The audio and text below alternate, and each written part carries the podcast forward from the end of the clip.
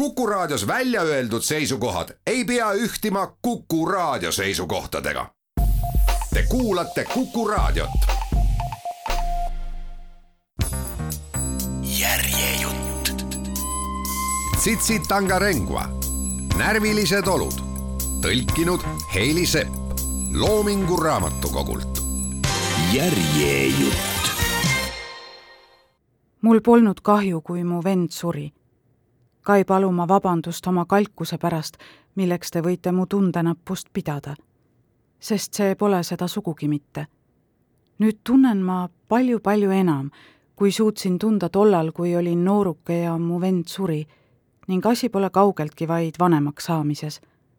nõnda siis ei hakka ma vabandust paluma, vaid alustan sellest, et tuletan meelde oma venna surmaga päädinud asjade käiku, nagu ma seda mäletan sündmusi, mille läbielamine annab mulle võimaluse nüüd sellest kõigest kirjutada.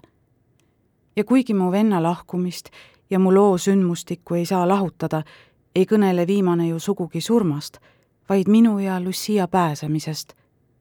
mu ema ja Maikuru lõksu jäämisest ning sellest, kuidas mässas Njaša, avarapilguline ja üksildane Njaša, moonutütar, kelle mäss ei pruukinud olla lõppkokkuvõttes edukas olin kolmeteistkümneaastane, kui mu vend suri. see juhtus tuhande üheksasaja kuuekümne kaheksandal aastal. oli trimestri lõpp ja me ootasime teda koju pärastlõunaselt bussilt, mis sõitis meie külast läbi kell kolm. mu vend käis koolis missionis, mis asus külast ligi kakskümmend miili lääne ehk Umtali linna poole ja mille juhatajaks oli mu onu vahel, kui onu ei olnud õppetrimestri lõpus tunnistuste ja haldusküsimustega üleliia hõivatud, sai ta oma kontorist lahkuda kell kolm pärastlõunal, ohverdades päeva viimased tunnid Naamo koju toomisele. Naamole meeldis nii kõige rohkem. bussiga sõitmine polnud vennale meeltmööda, sest tema sõnul oli see liiga aeglane. enamgi veel, naised lehkasid ebatervelt sigimise järele lapsed kippusid õiendama oma kõhuhädasid põrandale ja meestest eritus musta töö vängeid aroome. talle ei meeldinud jagada sõidukit kõiksugu köögiviljadega, mille värskuses võis kahelda, ähmis kanade või aeg-ajalt ka mõne tummiselt lõhnava kitsega. meil peaks olema eribuss, kurtis ta, nagu nendel õpilastel, kes elavad Fort Victorias ja Salisbury's, unustades täiesti ära, et need olid linnad ja eraldiseisvad keskused, samas kui meie kodu asus Umtalit ümbritseval kogukonnamaal ning kuna ka onu missionit peeti Umtali alla kuuluvaks, siis polnud mingit vajadust avada bussiliini ainuüksi Naamo ja veel ühe meie asulas elava õpilase vedamiseks. aga isegi bussiliini avamine poleks teinud trimestri lõppu mu venna jaoks piisavalt mugavaks. bussi peatus, ühtlasi ka turg, kus on ilmetud ja räpased, seest pimedad ja räämas pudupoekesed, mida me kutsume magrossadeks, ja naised msassapuude all, kes müüvad kõvu keedumune, juurvilju, hooajalisi puuvilju, keedetud kanu, mis on vahel karriga maitsestatud ja vahel mitte, ning kõike muud, mida külaelanikud või läbisõitjad võiksid tahta osta, on meie kodukotusest vähemalt kahe miili kaugusel. bussiliin või mitte minu vend pidi ikkagi kaks miili koju kõndima. see jalgsi retk oli teine koduteel kannatusi põhjustav osa, millest vend soovis vabaneda. mina ei pidanud regulaarselt iga trimestri alguses ja lõpus seda jalgsi matka tegema ega suutnud mõista, miks mu vennale kõndimine nõnda vastumeelt on, iseäranis pärast seda, kui ta on olnud nii pikalt umbsesse bussi surutud. bussireis missionisse kestis peaaegu tunni jalgsiretk bussipeatusest koju võiks tuua kergendustunde, sest saad nii pika sõidu järel jalgu sirutada ning kui sul pole kuhugi kiirustada, ei ole see ka ajaraisk.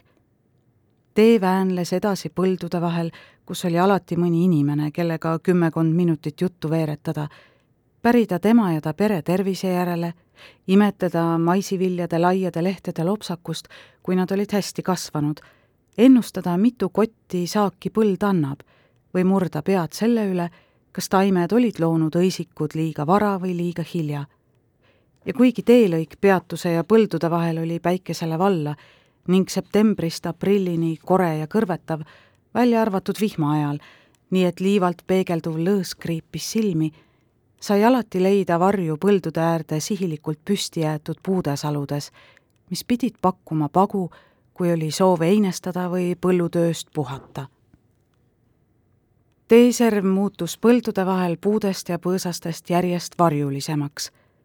akaatsiad, lantaanid, msassad, mopaanipuud ühes teeservas pundis koos kellel oleks aega, võiks ilgata teelt kõrvale tihedamate puude sekka otsima matamba ja matunduru vilju, magusaid ja hapukaid, hõrke.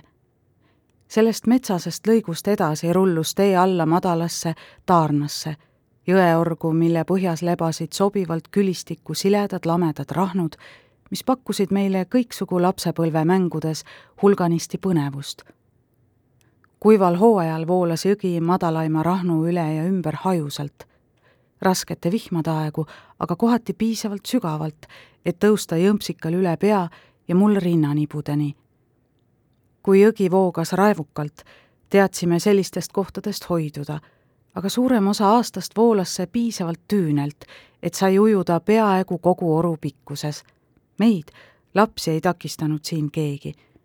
võisime mängida, kus vaid tahtsime naistel seevastu oli kümblemiseks oma koht ja meestelgi oma. naiste pesemiskohas oli jõgi madal ja ulatus harva üle mu põlvede. kivid olid seal madalamad ja lamedamad kui mujal, kattes peaaegu kogu jõesängi. Naistele nende koht meeldis, sest see oli just paraja suurusega, et pesu pesemiseks sobida. meie aga suhtusime peatsesse suureks saamisse ebalevalt, sest see tähendas, et pidime hakkama pesema seal koos naistega ning suplustel sügavamates, jahedamates, hulga põnevamates vetes oli lõpp. jõgi, puud, puuviljad ja põllud. nii see alguses oli. nii oli kõik mu esimestes mälestustes, aga sedasi see ei jäänud. kui olin veel üsna nooruke, ehitas valitsus meie kandi administreerimiseks oma piirkonna nõukogu hooned vähem kui miili kaugusele meie pesemiskohtadest nõnda pidid kõigi meie külakese tosinkonna majapidamise asukad iga kord, kui nõukogu majadesse asja oli, ületama Niamariira, nagu meie jõge kutsutakse. Ei läinud palju aega, kui ettevõtlikumad meie seast märkasid, et nõukogu maja ees on alati rohkem rahvast kui mujal külas ja rajasid nõukogu majade kõrvale oma pisikesed pudupoekesed, kus müüsid meile vajalikke tarbekaupu leiba, teed, suhkrut, džemmi, soola, küpsetusõli, tikke, küünlaid, petrooleumi ja seepi. ma ei mäleta täpselt, millises järjestuses see kõik toimus, kas bussipeatus tekkis sinna enne või pärast pudupoekeste ehitamist, aga varsti hakkasid seal peatuma ka bussid. vähem usin ja jõude logelev osa külanoorsoost hakkas pudupoekeste ümbruses aega surnuks lööma ning ostma üksteisele, kui nad seda lubada said, mida aga ei juhtunud kuigi sageli, Fantat ja Coca-Colat ja vanilliessentsi aroomiga lõhnu, odav pudelike kolme pennise eest.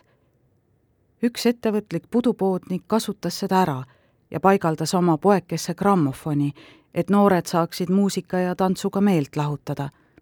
Nad mängisid uut rumbat, mis osutas nagu popmuusika ikka sihitu sõrmega ajastu oludele annan sulle kõva kolaka, kui sa oma raha lunimist ei lõpeta. isa, mul pole tööd, anna mulle pruudiluna raha, mu arm, miks võtsid teise naise. Puusad õõtsusid ja tallad tümpsusid nende ühiskondlike tõikade rütmis. oli üksmeel. ametivõimud muutusid ärevaks. märgates, kui ettevõtlik meie kogukond oli, premeerisid nad meid pingutuste eest nõukogu majade moodi tumesiniseks värvitud õllesaaliga kus müüdi igal nädalapäeval odavalt pärismaalast õlut ja selget õlut.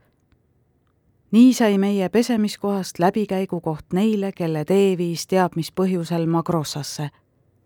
sündsuse huvides pagendati kümblemine jõeserva mööda ülesvoolu.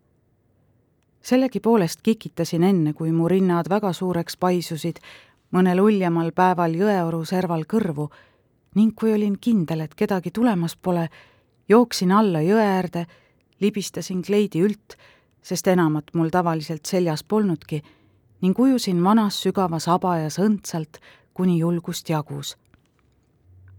ja sellist retke siis põlastas mu vend. tõesõna, võiksin kõiki selles teekonnas peituvaid võimalusi kirjeldama jäädagi ja ma ei suutnud seetõttu mõista, miks ta sellesse nii mõrult suhtus. aga mõrult ta sellesse suhtus ja enamasti õnnestus tal seda ka vältida, jäädes ühel või teisel ettekäändel missionisse ka pärast trimestri lõppu, kuni mu onu, mu isa vend ja pere vanim Võsu otsustas meile külla tulla. onu külastas meid tihti. see, et Naamol tuleks minna missionikooli, oli olnud mu onu mõte. kui Naamole antaks võimalus, ütles onu, siis saaks ta tunnustatud hariduse, vähemalt piisavat pääseda mõnda korralikku ametisse ja teenitud rahaga kergitaks Naamo meie pereharu väljasest viletsusest, kus me elame, seletas onu.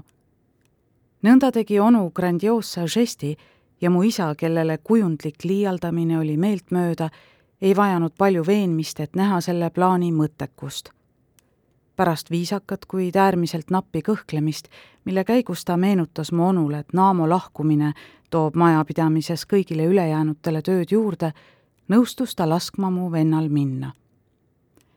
see toimus ajal, kui vend oli põhikooli kolmandas klassis ehk aastal tuhat üheksasada kuuskümmend viis, kui onu Inglismaalt tagasi tuli.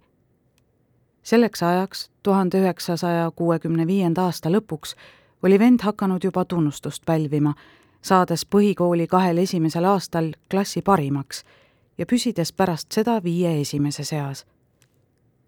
just seda soodumust, mis oli onu elevile ajanud, sooviski ta nüüd edasi arendada. kui mul oleks sinu ajud, oli isal kombeks Naamot tema esimestel kooliaastatel ehk kujunemisaastal julgustada, siis oleks ma praegu juba kooliõpetaja või ehk isegi arst mis sa mõtled, et me elaks siis nii nagu praegu? ei. Telliskivi majas, kus on voolav vesi, kuum ja külm ja lambid just nagu Mukoomal. küll see oleks alles tore olnud, kui mul vaid ajusid oleks olnud.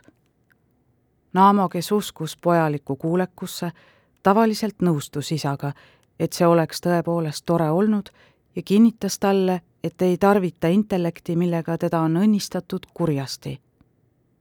mina olin teistsugune mina tahtsin jõuda tõeni.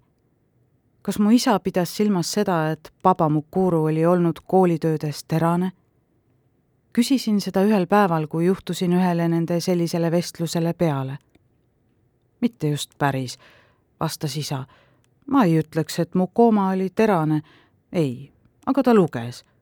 jaa, Mukoma luges, kui ta midagi tegi, siis kogu täiega.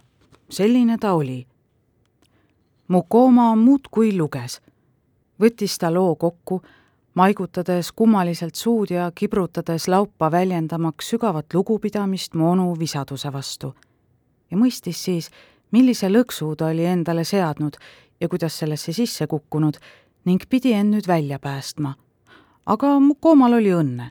talle anti võimalus, ta läks missionisse juba noorukesena missionärid kandsid tema eest nõnda kenasti hoolt, mõistad, et need raamatud, need raamatud tulid juba iseenesest. oli siis Baba Mukuru terane, töökas või lihtsalt õnneseen, aga Naamo suutis ta tavaliselt keelitada end koju sõidutama. kuidas see Naamol õnnestus, on mulle mõistatus, sest Baba Mukuru pole kunagi olnud hõlpsalt ära räägitav inimene. sellest hoolimata see Naamol tavaliselt õnnestus. aga seekord tuhande üheksasaja kuuekümne kaheksanda aasta novembri trimestri lõpus, millest ma räägin, kui Naamo oli just oma kuuenda klassi eksami ära teinud ja seega päeva varakult lõpetanud, oli Baba Mukuru linnas ühel koosolekul. Naamo pidi tulema bussiga. Tegelikult oli Baba Mukuru minu meelest otsustanud, et Naamole kulub bussiga sõitmine vahelduseks ära. minu arust oli onule hakanud muret tegema see, millise suuna mu venna areng oli võtnud. tõtt-öelda olid Naamoga toimuvad arengud hakanud muret tegema kõigile kodustele, kõigile, kes olid muretsemiseks piisavalt vanad, täpsemalt kõigile peale mu isa. Väga varsti pärast missionisse minekut lõpetas mu vend lühikestel vaheaegadel kodus käimise. kuigi ta külastas meid aeg-ajalt koos onuga, tuli ta pikemaks koju ainult kord aastas kui lõppes kooliaasta ja algas maisiaasta. aprilli ja augustikuiste koolivaheaegade ajal keeldus Naamo koju tulemast, rääkides, kuidas tal on vaja lakkamatult oma raamatuid lugeda, et kooliaasta lõpus eksamitest läbi saada. See oli veenev põhjendus. see võimaldas tal vältida ebamugavaid ülesandeid, nagu maisivarte korjamine ja kuhjamine ning tõlvikute lehtedest puhastamine maisikoristuse ajal sügeles ihu igal õhtul hirmsal kombel ning me jooksime kiheluse mahapesemiseks põllult otse jõe äärde. see, et Naamole saagikoristus ei meeldi, polnud mingi üllatus. keegi meist ei pidanud seda meeldivaks kohustuseks. See oli lihtsalt üks neid töid, mis tuli ära teha. september ja oktoober olid teistsugused. siis valmistati uue vilja jaoks pinnast ette alguses kaevasid inimesed maad kõblastega, mis oli raske töö, aga mitte ebamugav ja seetõttu ka mitte ebameeldiv. aga just enne Inglismaale lahkumist tuhande üheksasaja kuuekümnendal aastal ostis Baba Mukuru mu isale härjaadra, nii et selleks ajaks, kui ma olin põllul abistamiseks piisavalt vana, oli töö kahanenud vaid maisi mahapanekuks neil aastatel, kui mu isal või mõnel meile külla tulnud piisavalt tugeval meessugulasel oli mahti härjaatra kasutada. aastatel, kui neil mahti polnud, toimus kaevamine ja mahapanek nagu ikka. pärast seemne istutamist ja pärast vilja võrsumist ning seejärel kogu vihmahooaja, kuni taimed olid kõrged ja tugevad, rohisime meie seda käte ja kõblastega vahel polnud maas mitte ainult mais, vaid ka muunga ja rukveesa. vilja-aasta algus oli toimekas aeg. mu onu nõudis, et Naamo oleks sellal kodus, sest siis ei oodanud teda mingid eksamid, mis oleksid õigustanud tema missionisse jäämist. nõnda oli Naamo sunnitud tulema kord aastas tagasi oma armetusse isa koju, kus ta pesi end külma veega emailkausis või voolavas jõevees, mitte vannis, mille kraanidest purskab kuuma ja külma vett, kus ta sõi iga päev sõrmedega zatsat, liha aga haruharva ja mitte kunagi noakahvliga, kus polnud muud valgust kui küünalde ja isetehtud petrooleumilampide kollane võbelus, mis laskis tal oma raamatuisse pageda alles siis, kui me ülejäänud olime voodisse läinud. Pärast missionisse minekut hakkas kogu see vaesus teda ärritama või vähemasti oli tal selle pärast häbi kuigi varem see nii ei olnud. enne missionisse minekut olime suutnud jõuda üksmeelele, et kuigi meie viletsus on kohutav, on see kahtluse raasutagi meie enda oma ning seega on ka selle peletamise kohustus meie oma. aga siis muutis miski missionis nähtu venna meelt ja ta hakkas arvama, et kodul ei saa talle enam mingeid nõudmisi olla, nii et kui ta vaheajaks koju tuli, siis poleks ta nagu tulnudki temaga polnud võimalik eriti suhelda.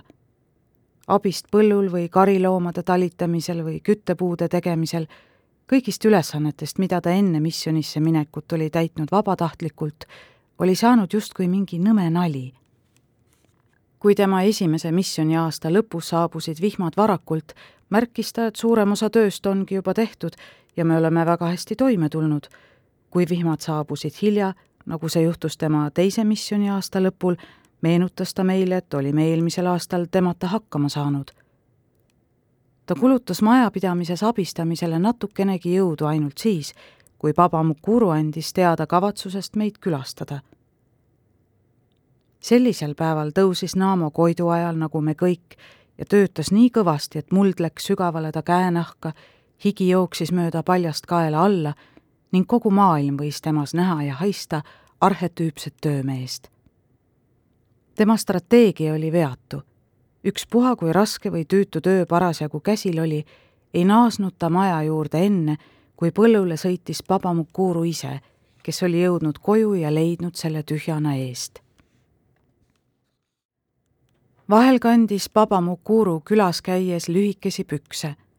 Kui juhtusime siis kõik põllul olema, võttis ta kõpla kätte ja tegi mõnda aega meiega koos tööd et sõita seejärel isa ja Naamoga tagasi kodukotusesse ning kuulata isa ülevaadet sellest, kui väga oleme oma külvamise, maaharimise või viljakoristusega maha jäänud, kuidas naabrite kari käib meie põldusid rüüstamas ning kuidas Baba Mukuru peaks meile muretsema okastraataia, et paaviane ja karja eemal hoida.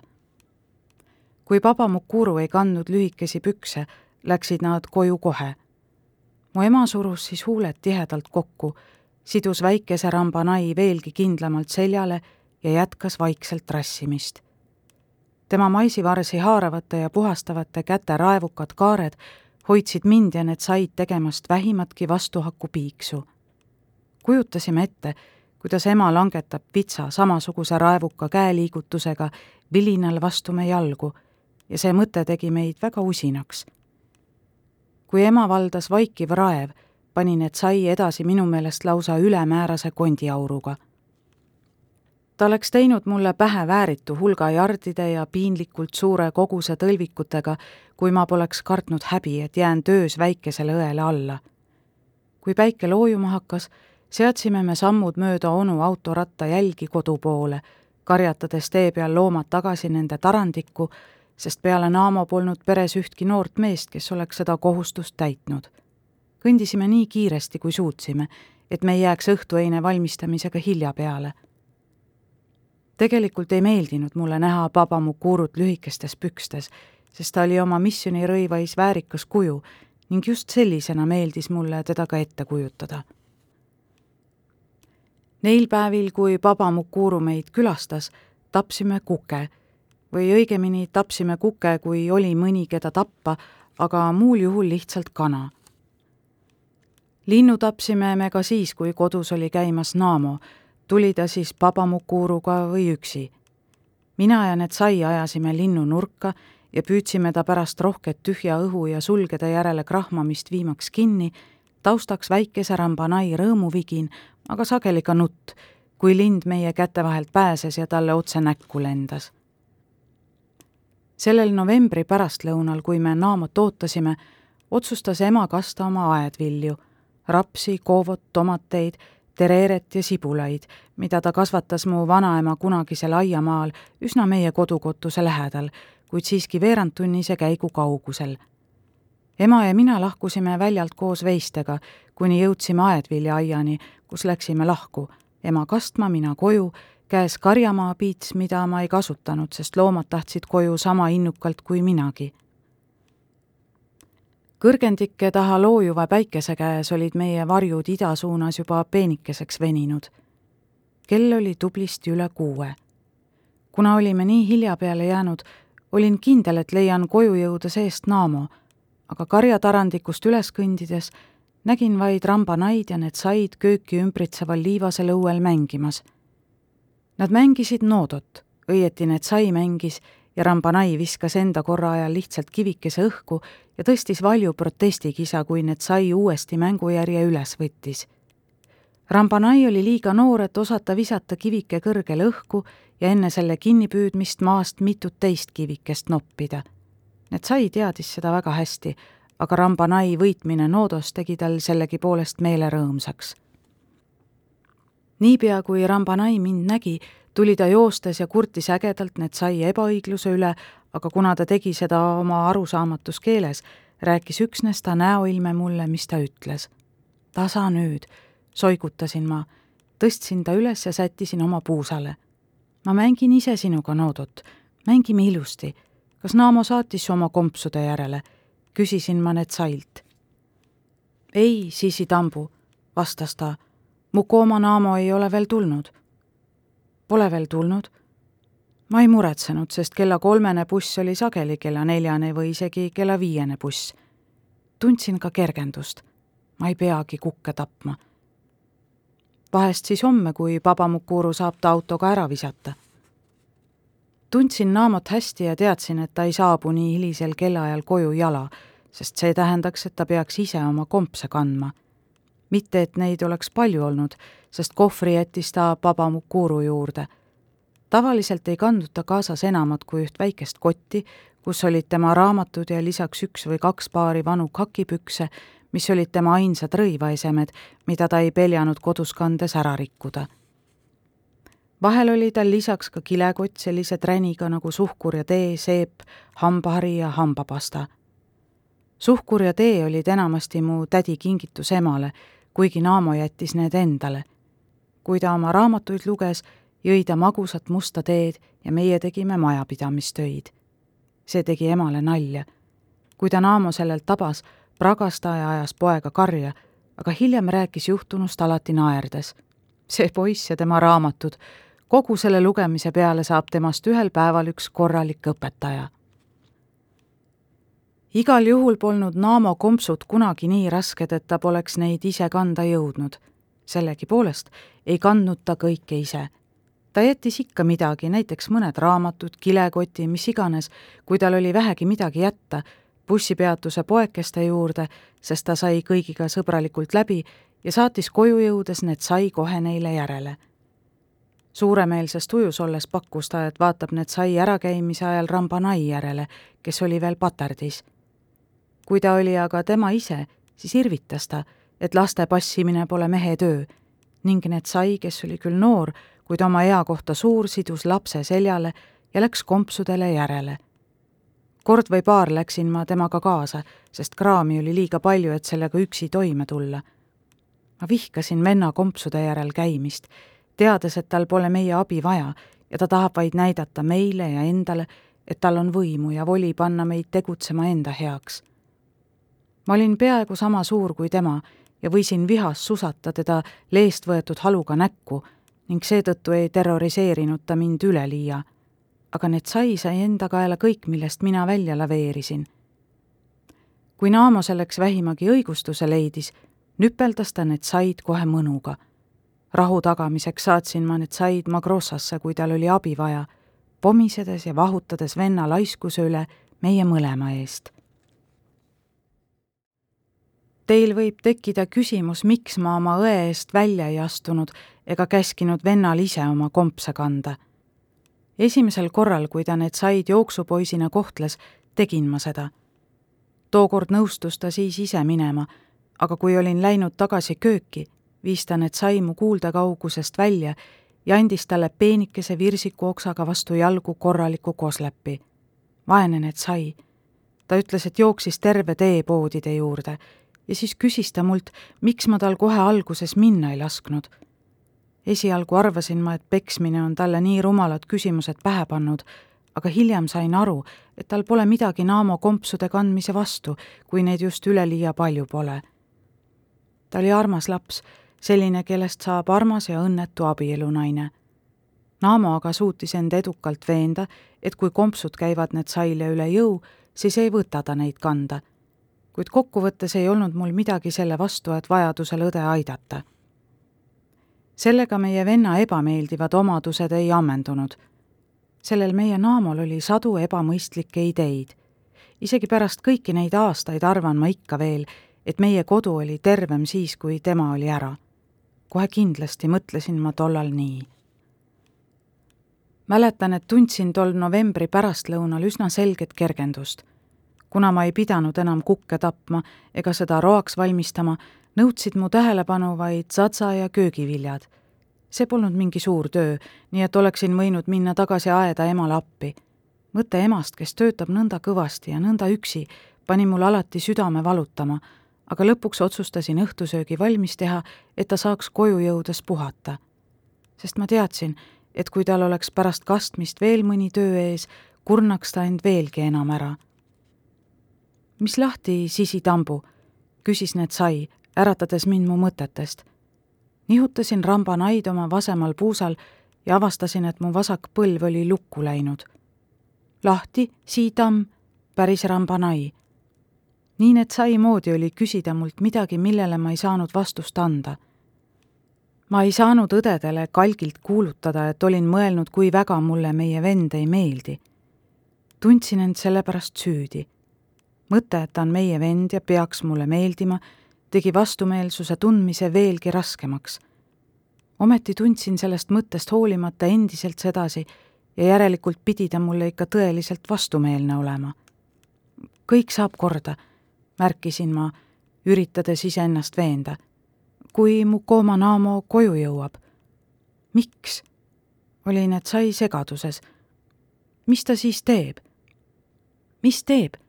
Kajas Rambanai vastu, andes mulle võimaluse tema üle naerda ja sedasi vastamisest hoiduda. panin ta maha ja läksin Taara juurde, et täita emailkauss veega ning võtta potid ja taldrikud, mida ma söögi tegemisel vajasin. Taara oli masendavas seisus.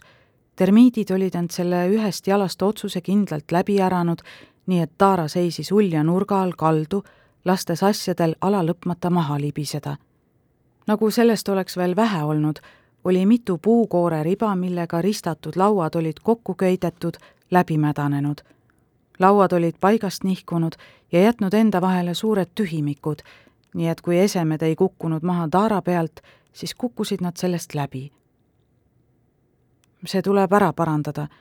mina pean selle ära parandama, mõtlesin ma nagu kümneid kordi varemgi, lubades endale, et võtan selle aja kummardusin, et tirida taaralt välja kümne galloniline tünn, mida me vee hoidmiseks kasutasime, lootes väga, et seal on õhtuks piisavalt vett. Netsai jälgis mind. see on täis, naeratas ta. me kasutasime plekkämbreid, pidime ainult kolm korda jõel käima. õel käima, nõustus Rambanai. sa oled tubli tööinimene, ütlesin õele, tundes end ta hoolest puudutatuna tema ilus väike nägu lõi seestpoolt särama. naeratasime teineteisele ja Rambanai luksus naerda. Kovo oli kähar ja suureleheline ega vajanud palju pesemist. potid olid kõik puhtad, mis andis täiendavat tunnistust Netsai tähelepanelikust loomusest. kui mustemad tööd olid korda aetud, siis ma nautisin söögi valmistamist. ümisesin Kovot potti rebides ning tundsin heameelt, kui kanad tulid maha kukkunud raase üles nokkima ja koristasid põranda ära, kartmata kinnipüüdmist ja ise potti sattumist. kuidas ma vihkasin kogu toda protsessi, et sai appi värbamist, et linnu pagemist takistada ning kasvavat ärritust, kui sööstsin selle tiibade järele ja kahmasin tühja õhku, kuni viimaks tabasin tõrkuva ja kimedalt kaagutava linnu, kes viimaks paratamatust tajudes vait jäi ka ei talunud ma verelõhna, mis ähvardas mind lämmatada, kui peata lind sulgede eemaldamiseks keeva veega üle valati. järgmine kord läbis mu pead naiivne mõte, püüab Naamo selle ise kinni. kui ta tahab kana süüa, püüab ta selle ise kinni ja tapab ise. mina kitkun suled ja keedan linnu ära. see tundus mulle õiglase tööjaotusena. see oli naiivne mõte et sai peksmine kompsude pärast oleks pidanud mulle selgeks tegema, et Naamo ei ole õiglusest huvitatud. et võib-olla on ta õiglane teiste inimeste suhtes, aga kindlasti mitte oma õdede vastu, oma nooremate õdede vastu. ehk olen ma tema suhtes ebaõiglane, süüdistades teda nüüd pärast tema surma, kui ta ei saa ennast enam kaitsta ja kui ma ise olen näinud piisavalt, et teada, süü ei käi kenasti sätitud pakikestes võib-olla jätan ma mulje, et Naamo oligi lihtsalt otsustanud olla vastik ja see tuli tal hästi välja, aga tegelikult polnud asjad üldse nii. tegelikult ei teinud ta midagi enamat, kui käitus vahest äärmuslikul viisil, nagu temalt oodati. minu peres ei peetud naiste vajadusi ja tundeid esmatähtsaks, isegi õigustatuks mitte. just sellepärast olin ma Naamo surma-aastal kolmandas klassis, aga mitte viiendas, kus ma oleksin pidanud vanuse järgi olema Noil aegadel tajusin ma oma olukorra ebaõiglust iga kord, kui sellele mõtlesin ja ma tegin seda paratamatult sageli, sest lapsed räägivad oma vanusest alatihti. mõeldes sellele ja tajudes ebaõiglust, muutuski mu vend mulle vastumeelseks. ja mitte üksnes mu vend, vaid ka mu isa, mu ema. tõtt-öelda igaüks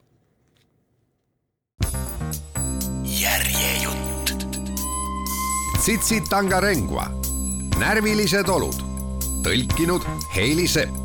Loomingu Raamatukogult. järjejutt